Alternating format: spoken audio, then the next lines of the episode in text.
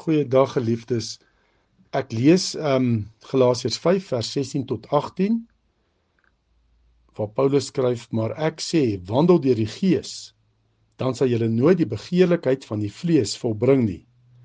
Want die vlees begeer teen die Gees en die Gees teen die vlees, en hulle staan teenoor mekaar, sodat julle nie kan doen wat julle wil nie. Maar as julle deur die Gees gelei word, dan is julle nie onder die wet nie."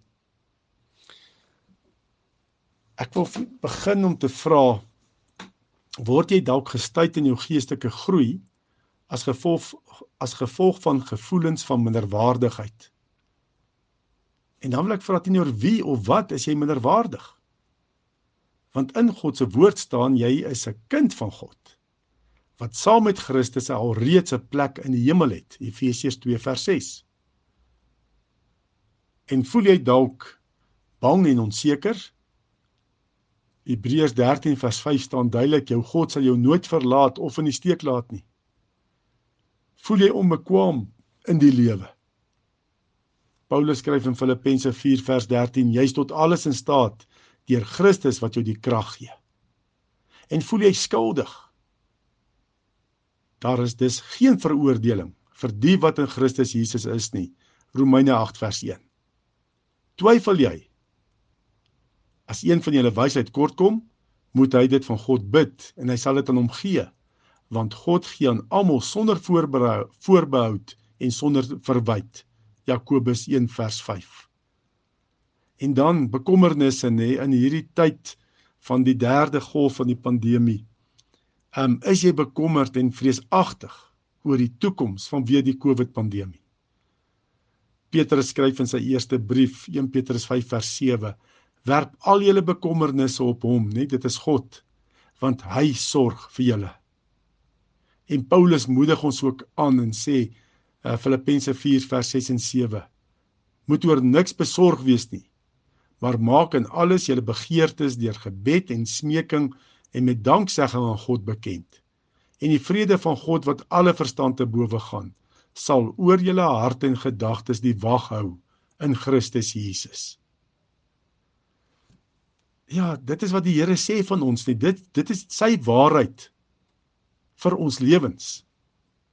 Maar ons sien baie keer 'n groot verskil tussen twee soorte Christene wat 'n mens kry. Dis die geestelike Christene wat eh, beskryf word ook in ons skrifgedeelte in Galasiërs Galasiërs 5, nê, nee, die Christene wat die wandel deur die Gees en dan kry jy ook die vleeslike Christen, Christene, nê, nee, wat beheer word deur hulle vlees. En daar's 'n groot verskil tussen hulle. En baie Christene, baie gelowiges lewe so ver onder hulle potensiaal in Christus. Lewe in die vlees. En dan word wonder mense en vra, hoekom geniet so min van ons die oorvloedige en produktiewe lewe wat Christus gebring het? 'n Deel van die antwoord het te doen met die proses van groei tot volwassenheid. En uh hierdie groei tot volwassenheid vind plaas as die gelowige sy identiteit in Christus vir homself toeëien. Dit wat God van jou sê in Christus in sy woord. Nee, jy groei geestelik as jy dit vir jouself toeëien en toepas op my dag tot dag bestaan. Maar ongelukkig is daar nog talle Christene wat al vir jare wedergebore is en nog steeds geen merkwaardige oorwinning behaal het oor hulle sonde en oor hulle vlees nie. 'n Oorwinning wat alle kinders van die Here se erfenis is in Christus. Maar dan moet ons ons identiteit in Christus leef en toepas elke dag. So dis een deel van die antwoord. 'n Ander deel van die antwoord het te doen met ons onkunde oor die impak wat die koninkryk van die duisternis het op ons groei tot geestelike volwassenheid in Christus. Ons het 'n lewende persoonlike vyand, naamlik Satan, wat aktief poog om ons groei tot volwasse kinders van God te verhoed. Ons moet weet hoe ons hom kan teenstaan en oorwin. Paulus skryf aangaande Satan 2 Korintiërs 2 vers 11 Die Satan moenie die oorhand oor ons kry nie. Ons ken sy planne maar al te goed. En ja, vir ons as westerlinge weet ek nie of ons sy planne al te goed ken nie.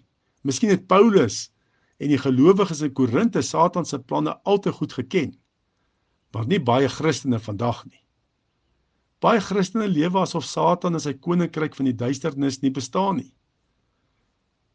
En ons naïwiteit in hierdie area het 'n definitiewe verlammende effek op ons vryheid in Christus.